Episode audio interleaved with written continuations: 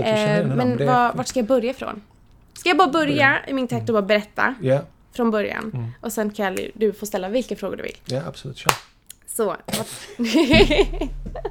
Ja. du får säga om jag är för bossig nu. David, åh, Det Vad- finns inga rätt eller fel. vart vill du att jag börjar? Där du själv vill börja. Okej, så...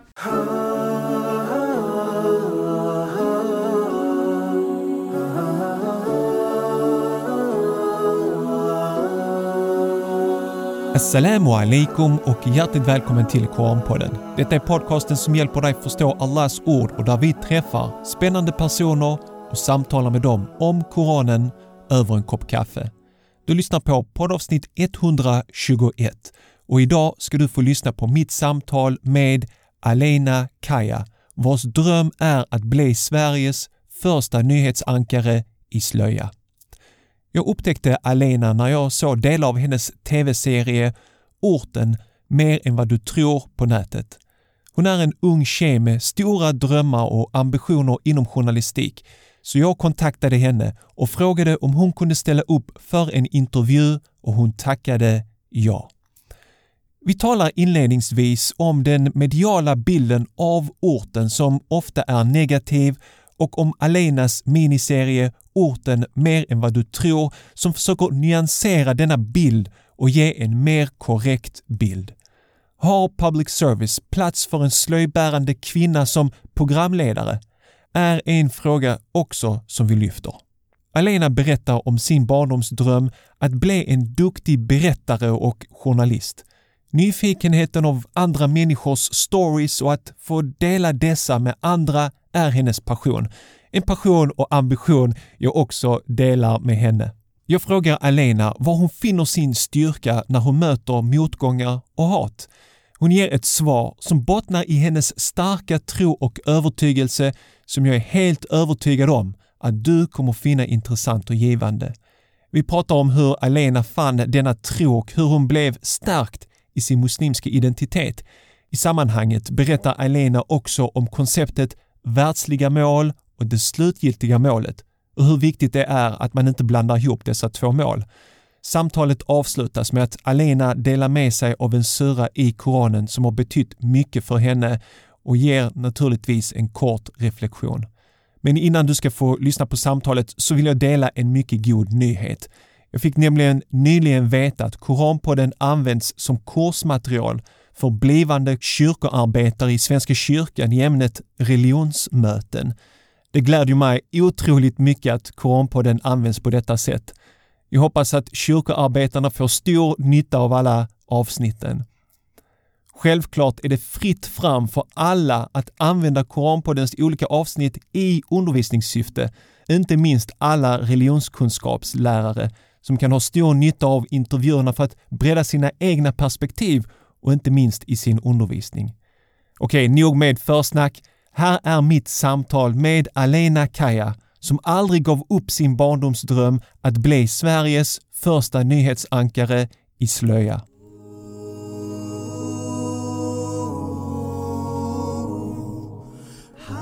Alena, det är jättekul att ha dig här på, på Koranpodden. Tack, tack så Och- mycket. Det Första gången jag såg dig på YouTube, var det YouTube eller det var internet, ett litet reportage om orten och du presenterade dig själv, journalist och så. Och då tänkte jag wow! Det är det som jag eftersträvar efter att bli. Jag är inte journalist, poddare eller vad det är, men liksom media har varit min grej. Jag har Mm. hållit på med, med Koranpodden nu i två år. Nej men så jag, jag tyckte wow, jag, om jag kommer till Stockholm så måste jag liksom kontakta dig och, och få till en intervju. Och här är du nu! Så Ja. jättekul! Tack så mycket för att jag får vara med Mm, och att du vill prata med mig. Så det ja. känns nice.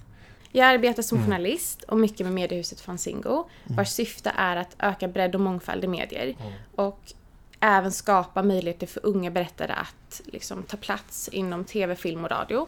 Och var har de sina huvudkontor? Eh, vi har huvudkontor i Alby och Okej. där har vi funnits i 15 år. Mm. Eh, och sen så har vi ju den här serien Orten med vad du tror är ett samarbete med KIT som är en digital byrå. Mm. Och serien ämnar till att bredda mediebilden av våra förorter. Och där får förortsbor ge sina perspektiv på konstnärskap, vikten av utbildning och Och psykisk där du ohälsa. träffar ju olika personer och intervjuar Precis. dem. Mitt namn är Aleina. Jag är journalist och uppväxt i Fittja. Orten associeras ofta med negativa saker och så kan vi inte ha det. I den här serien vill vi därför visa en annan bild av orten. Vi är mer än vad du tror. Jag hittade bara avsnitt ett. Jag bara, var är avsnitt två någonstans? Alltså- Youtube är... Sökte jag hade Det finns inte på Youtube utan Nej. alla avsnitt, och det är bara tre avsnitt också, finns Ja. Mm. på Kits egna plattformar, det vill säga på Facebook. Okej. Eh, Så du kan gå in på kit.se, på deras Facebook-sida och sen liksom hitta avsnitten Mm. där. Varför har man inte lagt det på, face, eh, på Youtube? Det vet jag inte. Ja. Eh, Jag tror att Kit kör sin grej på Facebook. Jag, ty- jag tyckte det var väldigt proffsigt ihopklippt och liksom eh, Mm. High tech om man säger så. Det är en bra produktion så att säga. Ja.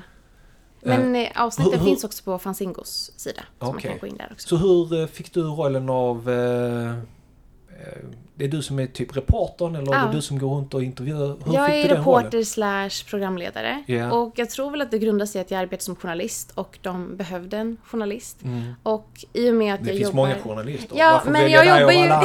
Det måste finnas någonting. Ja, alltså jag jobbar ju tätt med Fanzingo så de Mm. vet ju redan vem jag är, vad jag gör, vad jag är intresserad av.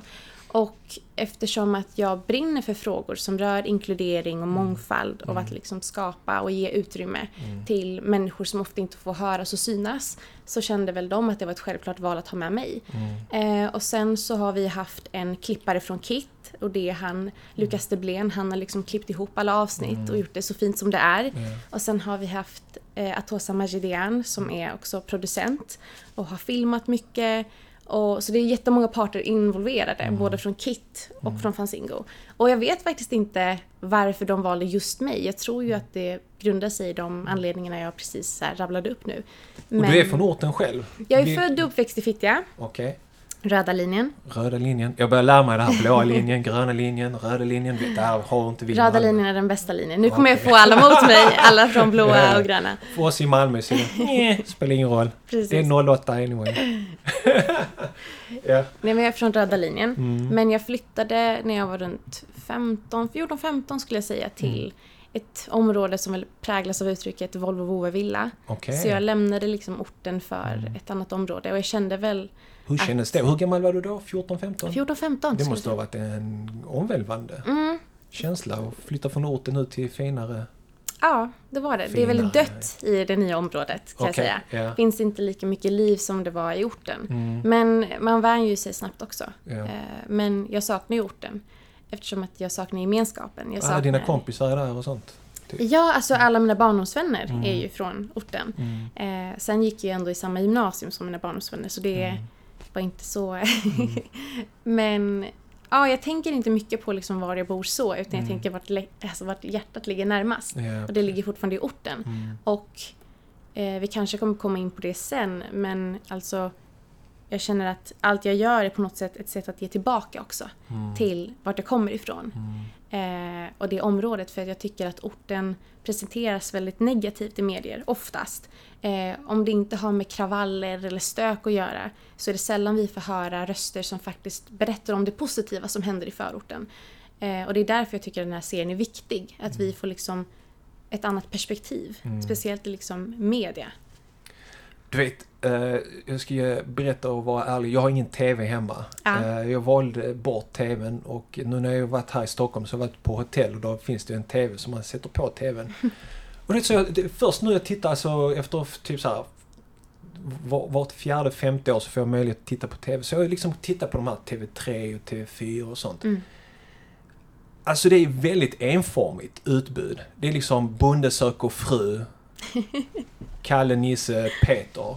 Alltså man, man- man ser knappt någon med invandrarbakgrund bakgrund på TV-rutan. Jag vet inte, men när jag sitter på hotellet och bläddrar så är, så är det inte så många programledare eller andra liksom med invandrarbakgrund eller som representerar orten eller som ger lite andra perspektiv. Utan det är väldigt blont och vitt. Mm. Vad är dina reflektioner kring det? Alltså jag Har jag fel eller eh, jag kanske kanske Du har inte fel, för det stämmer. Mm. Det är en homogen grupp. Jag bara som- tänker, åh, jag lämnade TVn för typ 10 år sedan. Har inte hänt någon förändring eller liksom lite mer mångfald? Alltså, På min tid, förlåt att jag avbryter, Nej, okej. men för 10 år sedan fanns det mosaik. Det fanns språka på turkiska, grekiska, du vet, nyheter, så crazy stuff. Allt det där är borta. Så det är liksom mer vitt idag än vad det var tidigare.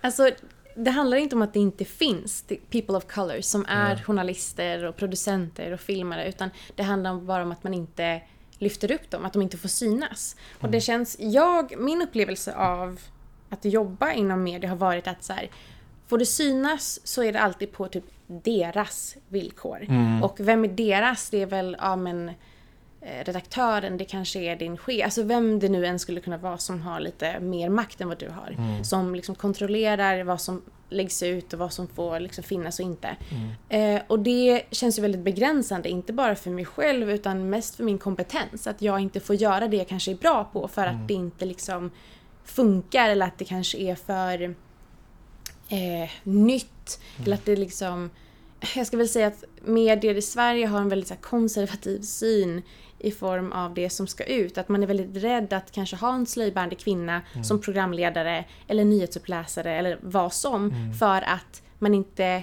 är redo för reaktioner som kan komma med det. Mm. Eh, och då är det de negativa. Och speciellt public service, för att mm. public service, speciellt inom högern, har en väldigt dålig, liksom så här, kallas för PK-media och what not. Att, men, men de ska ju mm. representeras mm. så som samhället ser ut. Samhället ja, är, är, inte bara blont, vitt och du vet så. Det, det, finns orten också. Jag ser inte det i public service. Alltså sätt. jag känner att så här, det blir också bättre, upplever mm. jag, om man ska liksom se det ur olika aspekter. Mm. Det blir bättre, det finns verkligen folk som försöker förändra på det här. Men förändring tar också tid. Mm. Det händer tyvärr inte över en natt. Mm. Men sen finns det också krafter som gör att det finns ett motstånd. Alltså det, det är väldigt, det är liksom inte friktionfritt. Eh, och det är samma sak med serien, att man, många journalister, speciellt kanske people of color eller liksom, ja, muslimer, whatever, känner att de vänder sig till andra plattformar för att kunna göra det de gör eller skapa någonting själv mm. för att de anser sig inte få plats i liksom, etablerade medier. Och Fanzingo, jag är så glad att jag kom i kontakt med Fanzingo, det här mediehuset, att de snappade upp mig för typ några år sedan mm. och sa dig vill vi jobba med. Mm. Eh, för att jag kanske inte hade fortsatt arbeta som journalist eller jag mm. kanske inte hade vågat drömma och vågat följa mina drömmar som jag har. Mm. Eh, för att det är så himla svårt att bara liksom komma in eller få en fot in i branschen. Så man måste hitta alternativa vägar. Jag tänker på Diari från Halal Comedy. Mm. Liksom, där är skämt som jag kan känna igen och mm. tycka är roligt. Sånt som man aldrig skulle kunna se på TV4, TV3, TV5 och whatever. Mm. Och han har liksom flera miljoner visningar och hundratusentals som följer honom. Och, och media har inte snappat upp honom medan det finns många andra som har börjat med så här YouTube, komedi mm. och sen så är plötsligt så är de inne i de fina korridorerna.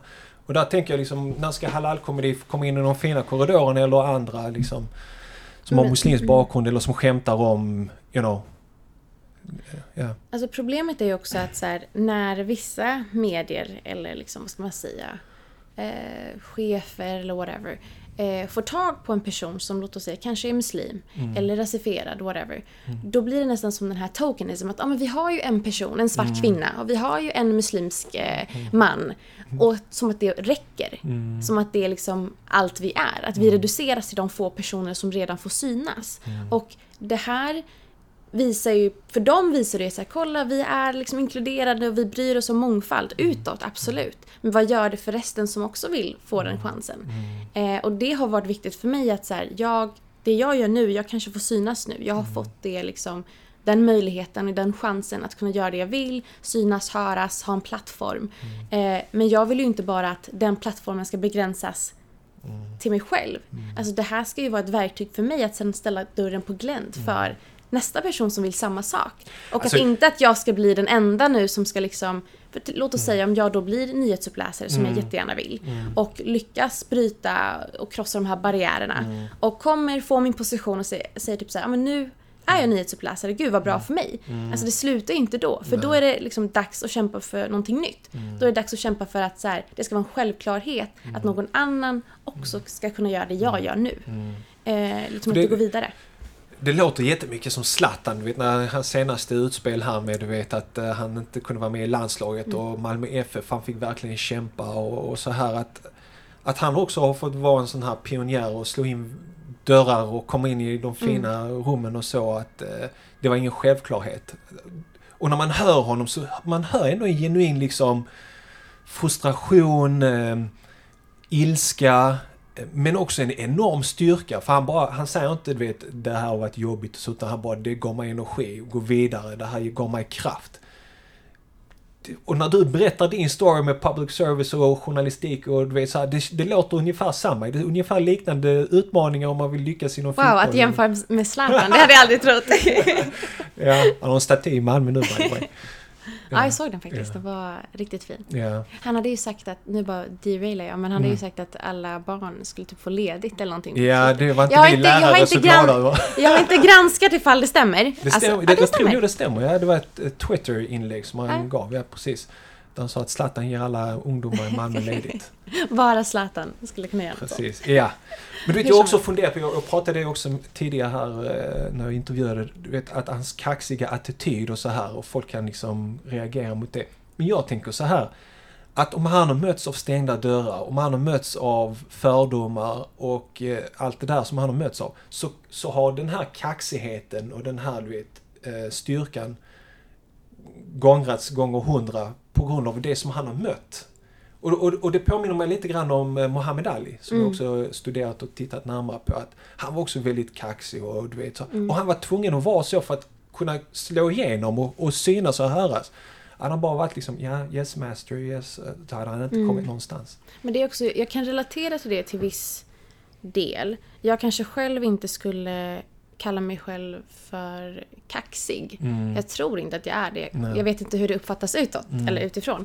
Men jag skulle väl säga att man känner att man blir tvingad till att hålla uppe en fasad mm. ändå när man är ute. Så möter man motgångar, möter man kritik, att man ska vara redo att ta det. Att det ingår i mitt arbete att jag ska tåla att bli granskad och kritiserad och liksom. Och det, det är ju självklart mm. för att en del av mitt arbete är ju att dels vara en medaktör i politiken och granska maktutövare, makthavare. Mm. Men själv också, som jag nämnde tidigare, tåla till att bli granskad själv. Eh, men det kan ju liksom ibland när, jag är till exempel öppen för konstruktiv kritik, mm. absolut. Men när man gör någonting som man verkligen tror på och man försöker förändra samhället, beröra människor, mm. vad det nu än är. Och sen får man kritik som är helt obefogad eller inte ens kritik du tänker på trollindustrin? Men trollindustrin och det kan vara det här med att folk bara alltså, spyr ut sig hat. Mm. Och det är jättelätt att göra det via nätet mm. numera. Det är bara Absolut. liksom skriva och klicka och så är det ute. Mm. Eh, det kan ta på en ibland. Och var, var... utåt så måste man ändå liksom på något sätt hålla sig uppe. Och det fick Zlatan. Du vet, allt som har skrivits om honom och sådana här grejer. Så, när man råkar ut för det. Mm. Och det är ganska många som råkar ut för det. Jag har råkat ut för det också. Var finner du din styrka? Att kunna fortsätta och inte och ge upp och inte ändra på dig eller anpassa dig mm. utifrån deras önskemål. Var, var finner du din styrka? Jag kan säga så här att min tro. Mm. Grunden till allt det här är min tro. För att i många, många år, jag kan väl säga att jag kommer från en muslimsk familj, jag har en muslimsk bakgrund. Men jag kan säga att jag på riktigt blev muslim när jag var 15-16. Mm. Och det var även då jag började med slöja. Mm. Eh, och jag kan säga att fram tills att jag var 15-16 så var jag inte mig själv. Mm. Jag liksom vågade inte visa min muslimska identitet utåt. För jag förstod inte vad det innebar att vara muslim. Mm. Jag, hade, jag var väl vilse i mig själv och visste inte vem jag var, vad jag ville, vad tror jag på egentligen? Mm. Och det sökandet resulterade i att jag fann islam på riktigt. Mm. Inte bara ut, utöver liksom de här traditionerna att visst man fastade, man bad och man gjorde alla de här grejerna. Man förstod inte riktigt varför. Varför var det viktigt för mig att göra alla de här sakerna? Mm. Och så när jag verkligen fann mig själv och min identitet då var det som att så här, vad som än händer, så även om jag råkar ut för det allra värsta så ska det inte göra så att jag avsäger mig min muslimska identitet. Mm. Och när hemskheter händer, man möter motstånd, jag vet att jag har islam att luta mig mm. bak mm. till. Och det har ju varit mitt största, liksom, min största stödpelare, mm. islam. Och det Har du några praktiska grejer liksom? Så fort du möter att du ger dig lite me-time eller du funderar över någonting eller går och joggar eller slår på en eh, sån boxningssäck eller någonting sånt? Det beror på, exakt på vad det är. Alltså, Ja. Jag har ju mött så här att folk på gatan kan också säga någonting. Jag har blivit spottad på ansiktet. Alltså, när det kommer till liksom fysiska och verbala påhopp in real life. Man tar det mycket annorlunda än vad man gör när man läser någon hatkommentar liksom online. Jag skulle nog säga att det stärker mig faktiskt. Alltså först är det väl väldigt så här, traumatiskt att bara gå igenom det. Och då har jag lärt mig att så här, jag ska låta mig själv känna. Alltså är jag rädd i stunden, då är jag rädd. Är jag ledsen, då är jag rädd. Och då ska jag låta mig själv känna de här känslorna för att kunna bearbeta dem. För förtränger jag allting så vet jag att det kommer hitta mig någon gång. Vare sig om det här är om en månad eller ett år. Och hur kommer jag hantera det då? Och så då om jag känner behovet av att gråta, ja men då får jag gråta. Men sen vet jag att jag ska ta mig själv i kragen och säga, lyssna, nu har du fått chans att ventilera, gråta ut, vara arg och förbannad, whatever. Men nu får du ta dig i kragen. Och nu får du stå upp starkare och nu får du göra ditt. Att liksom jag... Men jag tycker det låter ganska friskt. Att få liksom låta känslorna få, få löpa ut. För att om man Mm. får, förtränger det och håller det tillbaka så, så kommer det komma ut på Mm. annat sätt och det kan slå hårdare mot en senare. Och sen tror jag att inställningen jag har lärt mig själv genom åren att ha är inte typ varför händer det här mig? Utan vad lär det här mig? Så allt jag har gått igenom, vad har jag lärt mig av det här?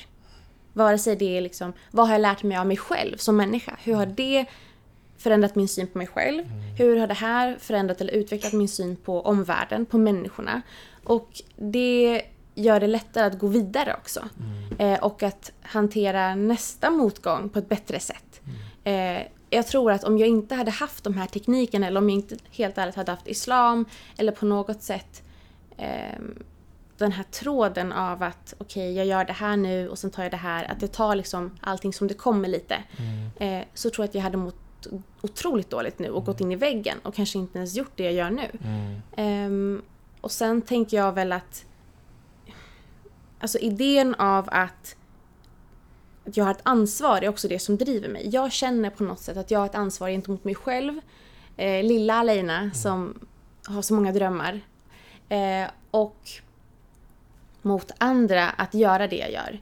Det vill säga att om jag kan ge någon en gnutta hopp, då är jag på rätt väg. Jag, liksom, jag försöker inte vara någon form av förebild eller så, men jag vill ändå veta att så här, det ska vara självklart att en muslimsk kvinna ska vara journalist. Det ska vara självklart att vi ska synas, ta plats, få höras. Eh, Det ska inte vara någonting som är banbrytande eller som är nytt. Och det ska inte vara någonting läskigt, utan det ska kännas naturligt. Och om jag gör det här och får ta lite skit för det, då gör jag det. Eh, bara för att kunna underlätta för nästa generation eller nästa person som vill göra samma sak. Eh, och det handlar om att tänka på kollektivet. Att så här, det jag gör nu är större än mig själv. Eh, men sen också när saker går riktigt dåligt. Ibland har jag också lärt mig att inte pusha det. För att ibland måste man också bara ta, till, stå, gud, jag bara, ta ett steg tillbaka och eh, bara låta det vara. För att jag vet att jag har mina planer. Men Guds planer är bättre än mina planer. Och du vet, man måste lära sig den balansen. Eh, det har funnits många tillfällen där jag skulle kunna pusha vissa saker och göra mer trots att jag kanske mådde dåligt eller trots att det var mycket negativt som hände omkring. Men tanken av vad som jag nämnde tidigare var att Gud har bättre- planer för mig. Om det visar sig att vissa saker ehm, unfolds, vad heter det på svenska nu? Eh, utvecklar sig eller Utvecklas i en visar sig med Ja men tiden. utvecklas i en riktning som gör mer skada än nytta. Då är det inte heller värt det. Och jag har alltid tänkt typ så här, visst journalistiken är mitt mål. Det är ett världsligt mål. Jag vill bli det här och det där och göra allt möjligt. Men det är världsliga mål jag har. Och jag måste alltid påminna mig själv om att mitt slutgiltiga mål är Gud. Och allt jag gör här på den här världen och alla mina världsliga mål, om det inte leder till Gud på ett eller annat sätt så är det onödigt. Och hur, hur, hur kommer det sig? Eller hur, hur blir det? Typ, kan man tänka sig journalistik och hur ska det leda till att du kommer till Gud? Men att jag tänker väl att så här, när jag gör mitt arbete så tänker jag typ att allting jag gör står, ansvarar jag för som journalist. Det, det jag skriver, det kommer ingen annan pistolhota mig till att skriva eller säga det jag gör. Jag väljer själv. Det är ett aktivt val. Och det aktiva valet kommer jag kunna stå, alltså kan jag stå för det i det nästkommande livet? Det, den frågan ska jag kunna svara på. Och utifrån det kan jag också navigera mig själv i vilka berättelser jag berättar, eh, hur jag vinklar mina berättelser. Att jag är väldigt mån om orden jag väljer när jag pratar med någon eller när jag skriver någonting. Alltså att man blir noga i allt man gör och hur man pratar med människor eller hur man ser på världen. Mm. Och jag tycker att det är väldigt viktigt. Just-. Ja, absolut. Jag, jag, jag träffade en bror som har haft ganska mycket kontakt med journalister och Mm. så. Jag bollade lite idéer med honom om Koranpodden och mina reflektioner kring Koranpodden och mina intervjuer och så. Jag sa till honom, liksom när jag går in i en intervju, jag vill höra min gäst story. Jag vill att de ska berätta, det är deras story. Jag, har ing, jag kommer inte in i ett samtal med Mm. liksom eh, planer dit jag vill att samtalet ska liksom leda. Men där finns vissa saker som jag tänker, det här skulle vara intressant att prata med den här gästen. Mm. Och han berättar för mig, han bara Sally du vet, det är inte, alla journalister tänker inte så. Där är liksom, han har ju träffat så många journalister. Han sa, där är journalister som kommer, de vet redan vad storyn ska handla om. De vill bara försöka dra ur dig det, få de orden och så försöker de vinkla och ändra på, på innebörden. Så att när du säger det där att du vill stå för det här och liksom, och det är ett ansvar. Mm. Tyvärr när man läser liksom journalister och sånt så är det Tidigare var det ju så att man skulle, journalisten skulle berätta hur verkligheten är. Nu är det ju så att det finns journalister som försöker skapa en verklighet eller liksom konstruera en som inte finns. Men jag tänkte från en sak till en annan. Hur, hur kom det sig att du blev liksom intresserad av journalistik? Mm. Var det sånt som du vet när alla barnen sa på lekplatsen. Vad vill du bli? Jag vill bli polis. Jag vill bli... Jag vet inte vad. Var du runt där och bara, jag vill bli journalist. Alltså jag tror inte jag visste vad journalist var när jag var liten. Mm. Jag trodde det mer var författare. Jag, visste, jag ville typ bli nästa Camilla Läckberg Mm. och skriva böcker och allt det där. Eh, och sen låter det jättedramatiskt men ju äldre jag blev så liksom berövade mig världen min fantasi. Mm. Och den hårda verkligheten och samhället vi lever i gjorde att jag inte hade tid med eh, historier som inte typ var sanna. Det Mm. vill säga ja, men Askungen och alla de här Fairy tales. Exakt. Eh, utan det var verkligheten jag var tvungen att fokusera på. Mm. Jag minns liksom när jag var, hur gammal var jag? Jag var i alla fall väldigt liten. Eh, min tidsuppfattning är otroligt dålig. Min också. Men- Så när hände det Sally? Jag vet inte, typ tre veckor sedan. När man kollar så var det så typ ett halvår sedan. Bara, oh, okej. Eh, men jag minns att jag, och jag har fortfarande kvar, jag önskar att jag hade hämtat med mig det. Mm. Men någonstans hemma ligger det i alla fall. Där jag hade fixat min, eller skrivit ihop min egen tidning. Och redan då hade jag skrivit om typ eh, palestinierna Mm. och Israel-Palestina och liksom hade klippt ut bilder från andra tidningar och gjort, Mm. skrivit egna nyheter till dem. Och jag vet inte vad, det typ TT News hade Mm. jag skrivit och det var liksom av jättefult rutigt papper och Mm. för gammal tuschpenna. Och när jag tittade tillbaka till liksom det jag hade gjort då så insåg jag att så här, det här var verkligen my true calling. Precis. utan att jag ens riktigt visste om det. Sen tror jag att jag inte har kunnat rå för det helt ärligt. Alltså vad jag än har gjort i livet så har jag hamnat med pennan i handen eller fingrarna på tangentbordet. Eh, så alltså jag är en ivrig berättare och jag vill verkligen, hur klyschigt den låter, förändra samhället och beröra människor eh, med det jag skriver. Eh, och för mig har det ju aldrig varit så att jag som journalist ska framträda i mina texter utan det är andra människors berättelser. Så det är väl bara att jag kanske är mikrofonhållaren. Mm, precis. Eh, och jag tror att jag drivs av det för att jag själv är nyfiken på människor. Och nyfiken, precis som du, på vad andra människor har för berättelser. Eh, och det här kunskapsutbytet, det, det, den kicken man får av det, det är liksom obeskrivlig. Precis, det, är- det med poddandet också. Alltså det, det varit så berikande. För nu var igår som jag publicerade avsnitt 100. De Mm. som kommer att höra Grattis. detta kommer... Tack så mycket. De som kommer att höra detta kommer att säga så. Va, va, det här är helt gammalt. Vi är på avsnitt 123 nu. För jag har samlat på mig så mycket material. Vet, så, även om jag släpper allting så är det liksom... Det här kommer vara säsong 3. Så många Mm. avsnitt längre fram. Men... Men jag menar under alla de här hundra avsnitten, alla de här fantastiska människorna jag har träffat och deras stories och erfarenhet och kunskap har berikat mig jättemycket. Liksom. Jag har lärt mig Mm. jättemycket. Ehm, så att eh, jag kan förstå eh, kicken som du får, eh, delvis. Men... men Men det är svårt att svara på liksom varför journalistik. Mm. Jag, jag tror jag bara liksom snubblade in i det. Mm. Och sen insåg jag att det här var det jag, jag var menad till att göra. Och sen så sökte du till Journalistikprogrammet. programmet i... I Södertörn, på Södertörn då. Okej, och kom in. Är inte det ganska svårt att komma in på det? Eh, svårt och svårt. Nu var det ju ett tag sedan jag Mm. sökte till högskolan. Mm. Men jag hade bra betyg så att jag eh, behövde inte riktigt tänka på det som tur. Okej. Det, är Men- bara, det är bara vi som är dåliga betyg som Nej tänker gud! Hur svårt är det att komma in där? Jag hoppas det inte verkar så. Nej men liksom, jag, jag om det är till någon tröst, jag är hemsk på matte. Mm. Alltså jag kan ingenting. Nej. Jag är verkligen kass. Så alla ni som inte kan matte, kom ihåg, ni kan bli journalister. Nej men vi har faktiskt ekonomijournalistik och det Oh, tog ja. mig verkligen med storm. Jag, hade, jag var helt panikslagen och bara, jag visste inte att jag skulle ha matematik. Mm. Många muslimer är ju oroliga, liksom, det är så här, medierapportering av muslimer både i Sverige och liksom utomlands. Ta Sverige. Handskakningsdebatt, omskärelsedebatt, slöjdebatt. Alla de här debatterna. Och det är knappt några muslimer som blir intervjuade, vet. Man pratar om slöjan så är det någon rolig moderatpolitiker, du vet Kerstin 58 och sånt. Bara det är förtryck. Och sen så kanske de intervjuar någon 30 sekunder ute i orten. Vad tycker du om slöjan? Och that's it. Alltså... Och det är många muslimer som är oroliga kring det. Vad, vad, tänk, vad, vad skulle du ha för råd och tankar kring det? Hur bemöter man den negativa medierapportering som sker av muslimer och islam idag? Det är svårt, det är en komplex fråga. Jag tror inte att det finns ett svar till den heller, eller en lösning. Och jag vill ju absolut inte förminska den oron som mina muslimska syskon har. Eh, för att det är ett problem. Och, men jag önskar ju att den oron inte ska fängsla en.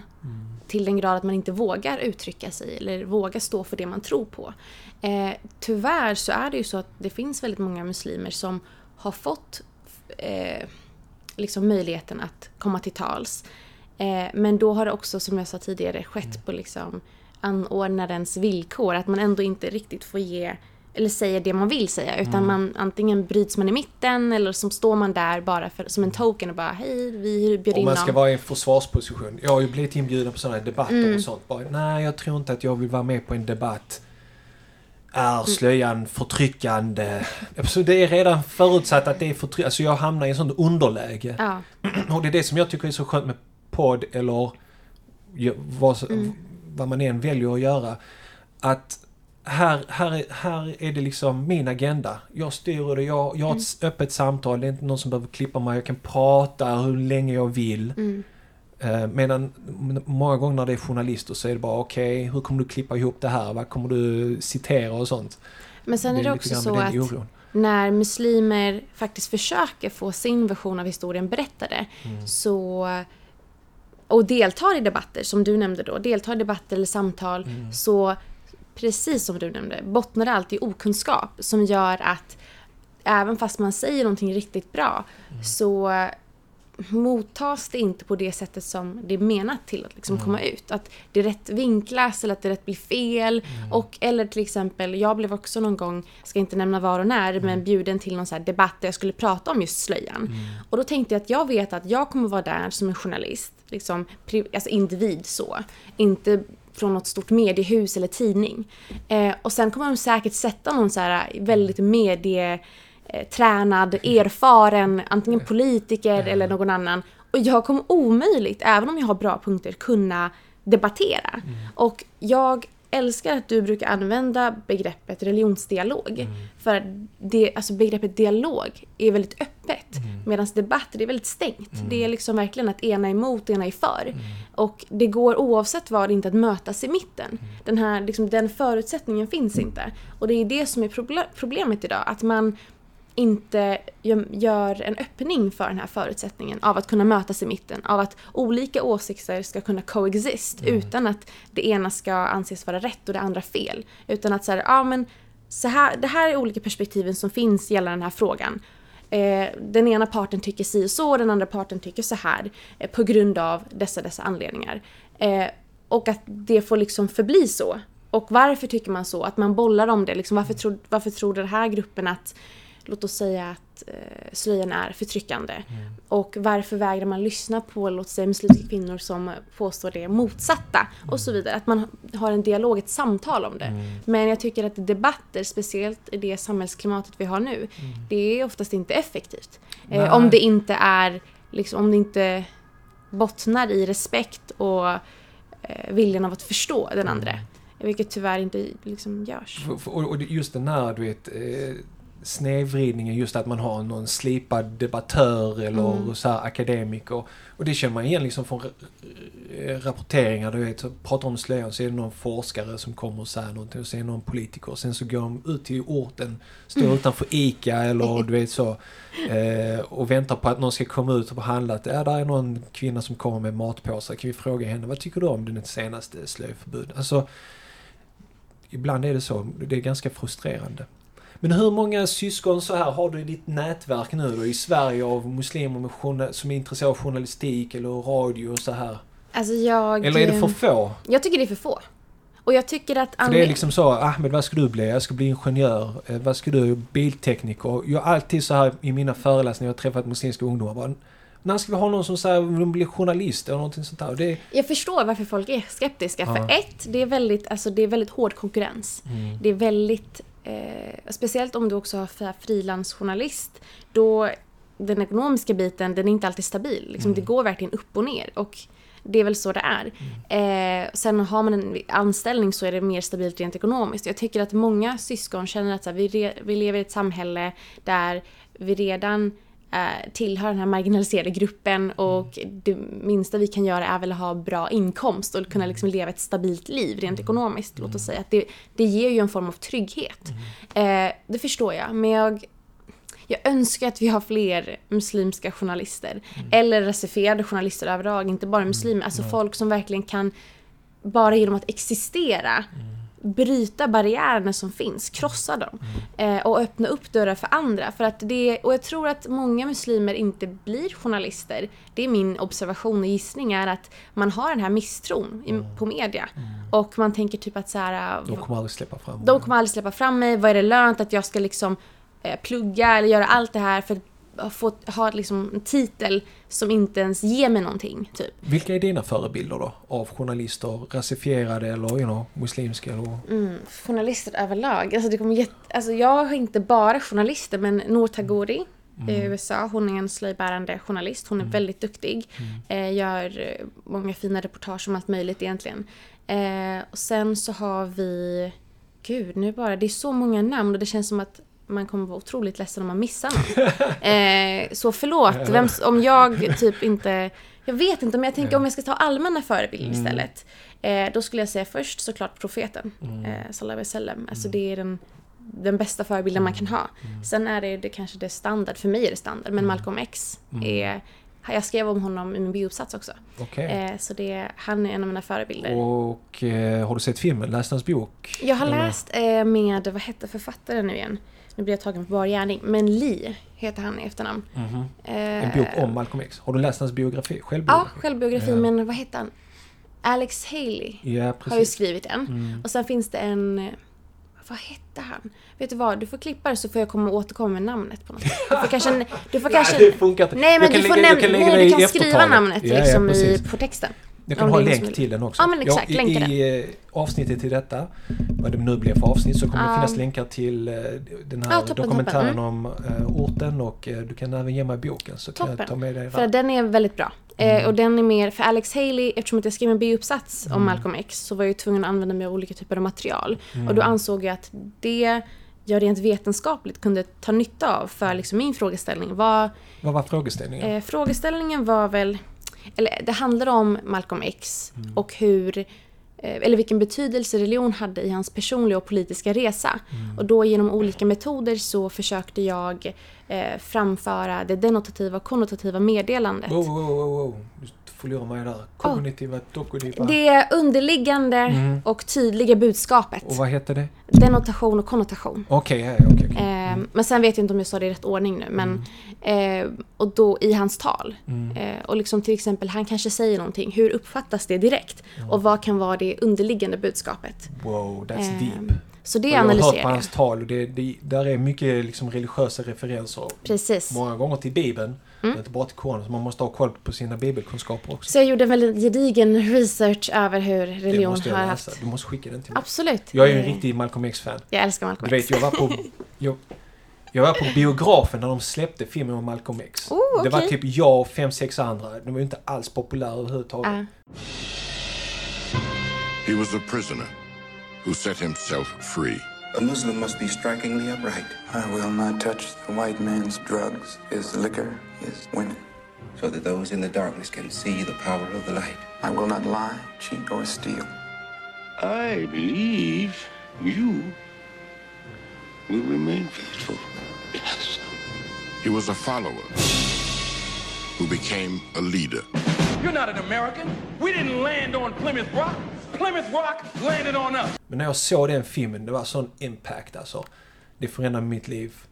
Och sen så fixade jag den på videoband och såg den hur många gånger som helst. Och sen läste jag hans biografi, sen har jag följt liksom hans liv.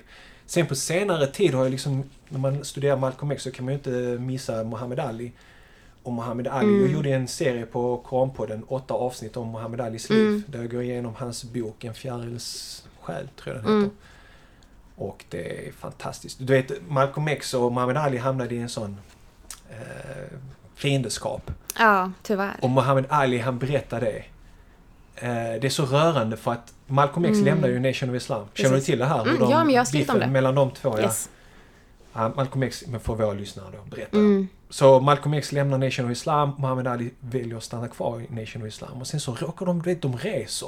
Och sen är de i Afrika, helt plötsligt så befinner sig Malcolm X på samma ställe där Muhammad Ali är. Och Malcolm X var ju den som verkligen pushade Muhammad Ali med sin karriär och så här och trodde på honom när alla andra inte trodde på att Muhammad Ali kunde bli eh, mästare. Och sen så, Malcolm X blev ju så glad att han träffade honom så här oförväntat i Afrika liksom, så han går fram till Muhammad Ali och ska hälsa på honom. Och då vänder Muhammad Ali ryggen till och bara dissar honom för att han har lämnat Nation of Islam när rörelsen. Usch, man får rysningar. Ja, och Muhammad Ali, när han får frågan då, något som han ångrar i sitt liv, så är det just det. Att han ångrar så djupt att han liksom vände ryggen. Och det är så de skildes åt. Sen så blev ju Ma- Malcolm X mördad. Han fick aldrig någon Precis. möjlighet för upprättelse för det där. Mm. Men Muhammad Alis alltså uppriktighet och... Ja, har man inte lyssnat på den serien, och Ja. avsnitt, lyssna på den. För jag har ju gett svett, tårar och blod. Jag vet inte om jag sa det rätt, men på den serien. För den är, ja, den är fantastisk. Nej, jag håller med. Men eh, det finns många som inspirerar mig dagligen. Och Mm. eh, återigen, skyller på att jag är tankspridd. Jag tror inte att jag kommer göra någon rättvis. För att jag känner att jag alltid kommer utlämna någon Mm. som verkligen förtjänar till att bli nämnd. Så att jag tar liksom Malcolm X, profeten, som huvud... Om du fick göra ett reportage, Mm. vad hade det varit för drömreportage då? Oj, vad svårt! Ibland bara få sådana frågor. Drömreportage. Alltså, om Malcolm X hade levt, om jag hade levt på den tiden, då hade jag definitivt varit med Malcolm X. Alltså, och då, ja, det hade varit drömmen. Men om jag tänker rent logiskt nu, jag, jag har inte ens tänkt på det. Det är så mycket man vill göra att jag tror inte att man tänker ibland på någonting konkret. Men jag tror att jag hade velat göra, faktiskt, jag tror att jag hade velat alltså verkligen göra någonting hardcore eh, kring liksom Israel-Palestina, hela den situationen där. Kanske besöka... Besöka, absolut. Men också typ att... För det skrivs mycket om palestinierna, det skrivs mycket om konflikten där och liksom eh, all, all, allt liksom som sker. Men jag tycker att så här, vi blir informerade, men jag känner ofta att det inte görs tillräckligt. För att vi nu, det känns som att vi blir nästan numb till det som sker. Vi ser ett blodigt barn, kan likea och scrolla förbi Ja. och sen kan vi liksom donera någon slant någon gång. Men det känns som att den här närheten finns inte. Det känns så långt bort från oss. Att vi inte alltid kan känna det. Och jag skulle vilja gå och göra reportage. Inte bara egentligen i Palestina utan liksom delar av världen som jag tycker behöver strålkastarljuset. På något sätt. Eh, jag vet inte. Och sen har jag också, jag är också så trött på liksom negativa nyheter eller typ så här där folk beskrivs som offer. Eh, och att man alltid ska tycka synd och att det ska vara så hemskt och så tragiskt. Utan jag vill ju också lyfta positiva eh, historier. Solskenshistorier. Det är liksom personer som gör någonting, förändrar samhället, som alltså, bara med sin blotta existens skapar skillnad. Alltså, det är också lite nyheter eller reportage jag skulle vilja göra. Sen vad specifikt det är, oj, det måste jag själv tänka på. En resa dit. Mina gäster brukar få eh, läsa något ur Koranen. Så eh, har du något som du skulle vilja... Jag har faktiskt med det i min bok. Alltså Okej. den uppträder väldigt poetiskt. Eh, Så den... Eh, jag vet inte, ska jag läsa upp den kanske? Läs upp den och så ger det en liten reflektion. Absolut. Eh, Bismillahirrahmanirrahim. Eh, och den heter då, det är Surat al-Infitar och det är När himlen rämnar. إذا السماء انفطرت واذا الكواكب انتثرت När himlen rämnar och stjärnorna skingras.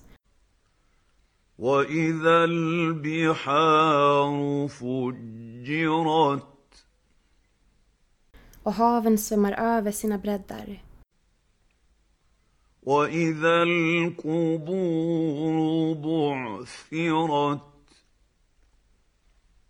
och gravarna störtas över ända.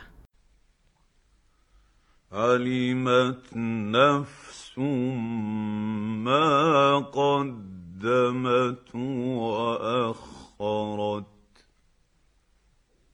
Då ska varje själ inse vad den har sänt framför sig och vad den skjutit upp.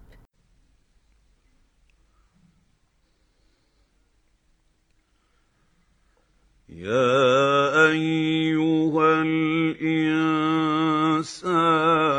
ما أشرك بربك الكريم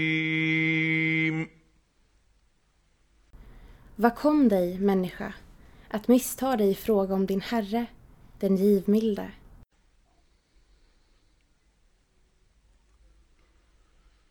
الذي خلقك فسواك فعدلك han som har skapat dig och format dig med hänsyn till den uppgift du ska fylla och gett din natur dess jämvikt. في أي صورة ما شاء ركبك skapat dig i enlighet med sin vilja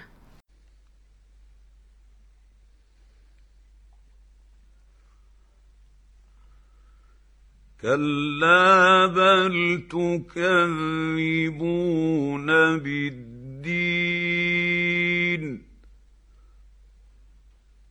Nej, i er otacksamhet förnekar ni domen. وإن عليكم لحافظين. Och det finns de som vakar över er. كِرَامًا كَاتِبِينَ. Ädla skrivare. يَعْلَمُونَ مَا تَفْعَلُونَ.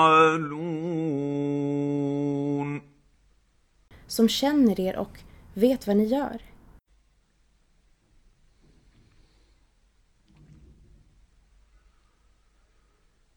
إن الأبرار لفي نعيم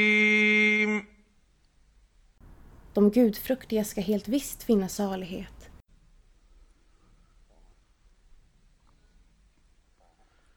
وإن الفجار لفي جحيم och de som har sjunkit djupt i synd ska förvisso finna helvetets eld. يصلونها يوم Där ska de brinna på domens dag. وما هم عنها بغائبين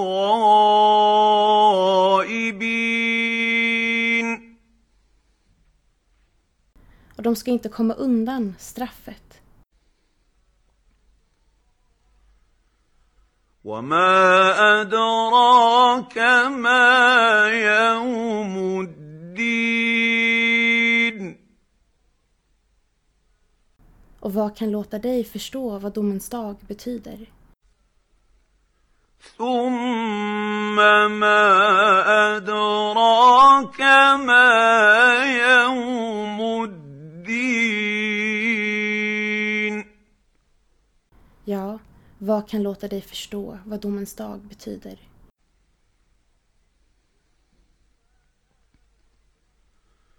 يوم لا تملك نفس لنفس شيئا والامر يومئذ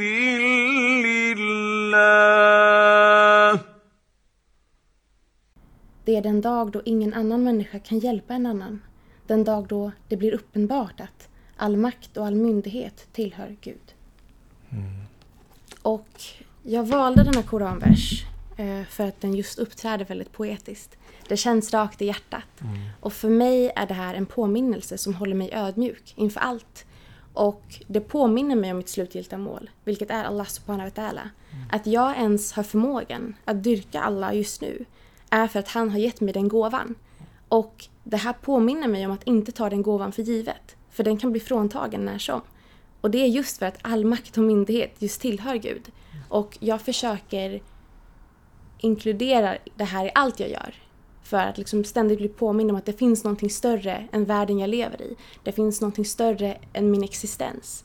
Det finns någonting större än allt jag känner till. Och det är Gud. Och bara det gör att man blir väldigt ödmjuk och undviker förhoppningsvis arrogans och den här liksom självgodheten. Ehm, så jag tycker att den är en väldigt fin, fin vers. Alena, de, får, de där fina orden får vara de avslutande. Tack. Och jag önskar dig all lycka till med din utbildning och ditt arbete. Fortsätt göra fantastiska program, fortsätt skriva eh, och inshallah så blir du en förebild för många av de yngre att eh, utbilda sig till journalister och lyfta goda stories och göra världen till en bättre plats. Och tack för att du berikar kvar på den. Inshallah, tack så jättemycket för att jag fick dela med mig av min story, att jag fick prata med dig. Och jag vill bara också snabbt säga att jag vill försöka använda av mina kontakter, mina plattformar för att just ge utrymme till andra. Så att om det är någon som känner att jag, vill, jag är intresserad av journalistik, jag vet inte vart jag ska börja, jag är intresserad av att skriva, hur gör jag? Så kan man jättegärna kontakta mig. Så kan jag försöka liksom hjälpa, ge råd, diskutera, koppla ihop dig med personer. Eh, det är mitt sätt att ge tillbaka. Det är mitt sätt att liksom peppa andra. Eh, för jag hade behövt den peppen när jag var yngre och när jag började. Så att det kanske kan vara värt att nämna. Fantastiskt. Så jag kommer ha dina kontaktuppgifter eh, till eh, det här avsnittets eh, text. Så man kan gå in på hemsidan och in på avsnittet. Så kan man hitta dina kontaktuppgifter där. Tack så mycket Alina. Tack själv Ha en bra dag. Salam Tack. alaikum. Alaikum salam. Tack för att du lyssnade på mitt samtal med Alena Kaya. Boken om Malcolm X som Alena hänvisade till i samtalet är skriven av Manning Marble och heter kort och gott Malcolm X och finns även i svensk översättning. Vill du lyssna på min serie om Muhammad Ali, världens kanske mest kända idrottare som jag nämnde i samtalet, så börjar den serien i åtta avsnitt från poddavsnitt 36. Missa inte att lyssna på den. Det är en riktig game changer. Något som jag tar med mig från mitt samtal med Alena Kaja är hennes starka iman, hennes tro och hennes positiva inställning till livet. Även om hon har bokstavligen blivit spottad i ansiktet har hon inte gett upp. Hon kämpar, hon skriver, hon skrattar och hon sprider hopp och glädje. Och beträffande dessa haters, må Gud vägleda dessa människor för de vet inte vad de gör, hur mycket de sårar. De är tyvärr förblindade av sitt hat. Må skaparen byta ut detta hat som finns i deras hjärtan mot kärlek. Amin. Stort tack till dig Alena för ditt mod. Du är en sann förebild för unga muslimer i vårt land som försöker hitta sin identitet och plats i samhället. Fortsätt kämpa, fortsätt inspirera och gör skillnad. Och till alla er som vill komma i kontakt med Alena så hittar ni hennes e-postadress på koranpodden.se 121. Vad tar du själv med dig från detta samtal? Jag är som vanligt nyfiken på att få veta. Lämna ett svar eller en kommentar direkt på Koranpoddens hemsida. Gå in på koranpodden.se 121 och lämna din kommentar längst ner på sidan. Du kan också mejla mig dina tankar på hej koranpodden.se. Nästa vecka är vi tillbaks inshallah med poddavsnitt 122 och mitt samtal med folkbildaren Yasri Khan som idag driver och är verksam i SMFR, Svenska Muslimer för Fred och Rättvisa, som är en del av den muslimska fredsrörelsen. Här kommer ett kort utdrag från det samtalet deras plattform så kallar vi för individ, organisation, samhälle. Där vi jobbar med eh, vad vi kallar för de tre vinsterna. När vi jobbar med det här, och det är det som vi försöker skapa hållbarhet i, det är att det, det, ska vara en vinst för individen, vinst för organisationen och vinst för samhället. Att det man gör, att man försöker bygga upp alla tre samtidigt. Eh, och då jobbar vi väldigt mycket med personlig utveckling på individuellt plan och det är det man får när man engagerar sig hos SMF, att man får kunskap, personlig utveckling, eh, men också att man gör någonting för organisationen så att organisationen kan fortsätta vara stark och fortsätta kunna bidra till framtida generationer. Missa som sagt inte nästa avsnitt då jag samtalar med Yasri Khan. Jag vill också påminna dig om att ladda ner min distanskurs Vänd dig till Allah alldeles gratis genom att surfa till koranpodden.se 121. Du får lära dig 40 gyllene regler att följa för att komma närmare din skapare. Jag förtydligar varje gyllene regel insiktsfullt och med humor för att göra dem applicerbara i ditt liv. Passa på att ladda ner distanskursen idag eftersom detta gäller endast under en begränsad tid. Följ oss på Facebook och Instagram för inspirerande och upplyftande korancitat under hela veckan och vill du komma i kontakt med mig så gör du det lättast genom att mejla mig på hej koranpodden.se. Då återstår det bara för mig att önska dig en härlig vecka. Tack för att just du lyssnar på Koranpodden. Vi hörs igen nästa vecka på måndag inshallah. Ta hand om dig tills dess. Salamu alaikum wa rahmatullahi wa barakatuh.